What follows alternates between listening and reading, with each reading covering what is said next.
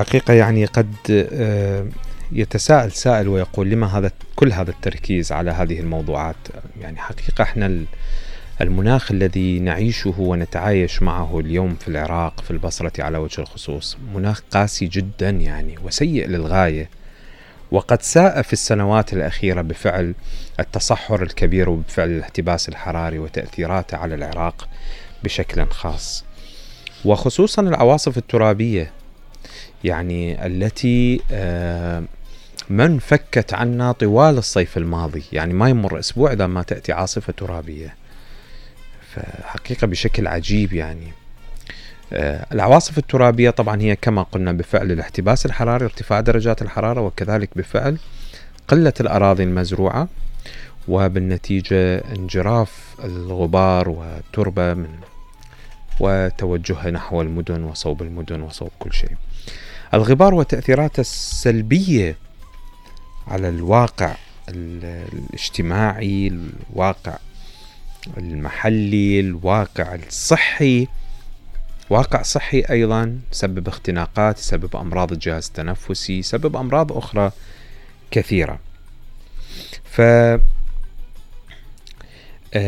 لذلك آه، يعني أيضا هو يسهم آه، بشكل أو بآخر بزيادة الاحتباس الحراري باعتبار أن الغبار المحمول يؤدي يعني كما تشير المنظمة العالمية للأرصاد الجوية WMO دورا مشابها لدور الغازات الدفيئة CO2 و CO1 آه كذلك لماذا طبعا؟ لأنه يمتص أشعة الشمس والمرتدة من الأرض إلى الفضاء فبدلا من أن تبدد هذه الأشعة راح تكون محصورة في التراب. كذلك يشير تقرير آه، نشر بموقع المنتدى الاقتصادي العالمي يوضح فيه خبراء المناخ أن زيادة حدة العواصف الترابية خصوصا بمنطقة الشرق الأوسط تعود إلى التغير المناخي في زيادة ارتفاع درجات الحرارة إلى جانب الممارسات البشرية التي نتج عنها نقص المساحات المزروعة وزيادة معدل التصحر وهذا ما يحصل لدينا في العراق بشكل كبير. بصراحة لا يوجد هنالك مناقشات لهذا الموضوع على المستوى الرسمي بشكل واضح وحتى نتساءل عن دور وزارة البيئة المفروض أن يكون لمثل هذه الوزارات والوزارات الساندة مثل وزارة الصحة وغيرها دور كبير في مناقشة هذه القضايا وكذلك في الحد من هذه المشكلات البيئية الكبيرة.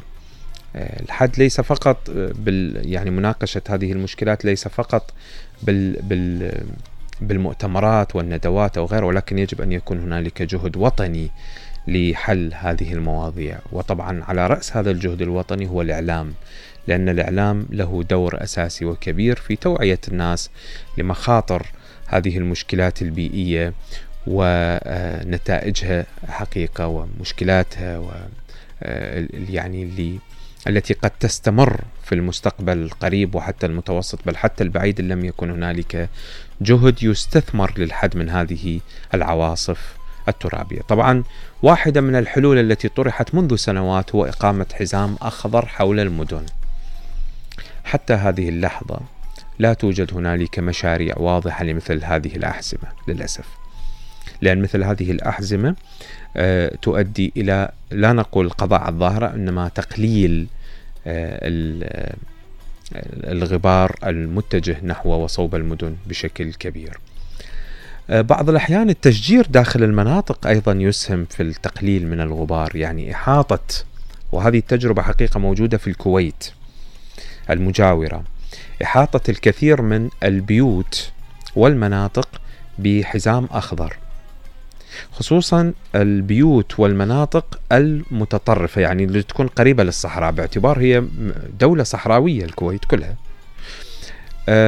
فلذلك إحاطة البيوت بحزام أخضر في المناطق المتطرفة المناطق التي تقع على يعني حافة المدن واللي هي قريبة إلى الصحراء. وهذه بمشاهدات حية طبعا موجودة هذه الظاهرة في الكويت وفي قطر كذلك. آه، فلذلك حتى البيوت داخل المدينة بالإمكان التشجير يعني وجود شجرة قرب المنزل أيضا تمثل حائط صد للغبار. لأنها تأخذ هذا الغبار. الغبار يعلق في الأشجار. يحد من توجه الغبار إلى نفس البيت يعني بدل ما مثلا أما إذا كانت المنطقة كلها مشجرة فالغبار يعني يحد يجوز بنسبة 50% لأن الأشجار تساعد على الحد من الغبار وبشكل كبير. فاطمة هادي ومزيد من التفاصيل. سماء برتقالية اللون وتعطيل العمل في الإدارات الرسمية وتوقف حركة الملاحة الجوية ومعاناة المئات من مشكلات تنفسية. عدة. هكذا بدت دولة العراق خلال أبريل نيسان ومايو آيار الماضيين. فقد تعرض العراق لعواصف رملية عنيفة طوال الشهرين المذكورين. الأمر الذي تسبب في تكدس الآلاف المصابين في المستشفيات. نتيجة تعرضهم للاختناق. وهي العواصف التي امتدت لتصل إلى عدد من الدول الأخرى مثل الكويت وسوريا وإيران والسعودية والإمارات.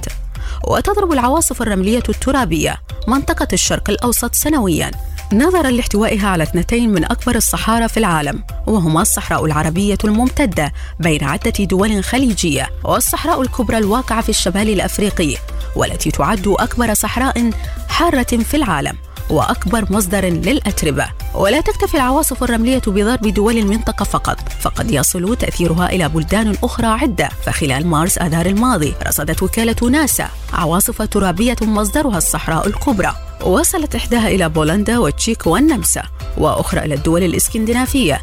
إذ تنتج تلك الصحراء سنويا ما يزيد على 400 مليون طن من الأتربة. تستطيع العواصف حملها لتصل إلى بلدان بعيدة. فتؤثر في كل من البيئة والمناخ. وتقع هذه الصحراء فوق عدد كبير من الصخور العتيقة التي تنتمي إلى العصر ما قبل الكامبري ويعود منشأ بعضها إلى أكثر من 900 مليون عام. وخلال تلك الأعوام تعرضت هذه الصخور للدفن والإذابة وتغيرت خصائصها بوسائل عدة حتى وصلت إلى سطح الأرض. ونظرا للطبيعة الجافة وندرة الأمطار وزيادة حدة الرياح في تلك المنطقة فإن تلك الصخور تتآكل باستمرار حتى تصل إلى ذرات صغيرة الحجم.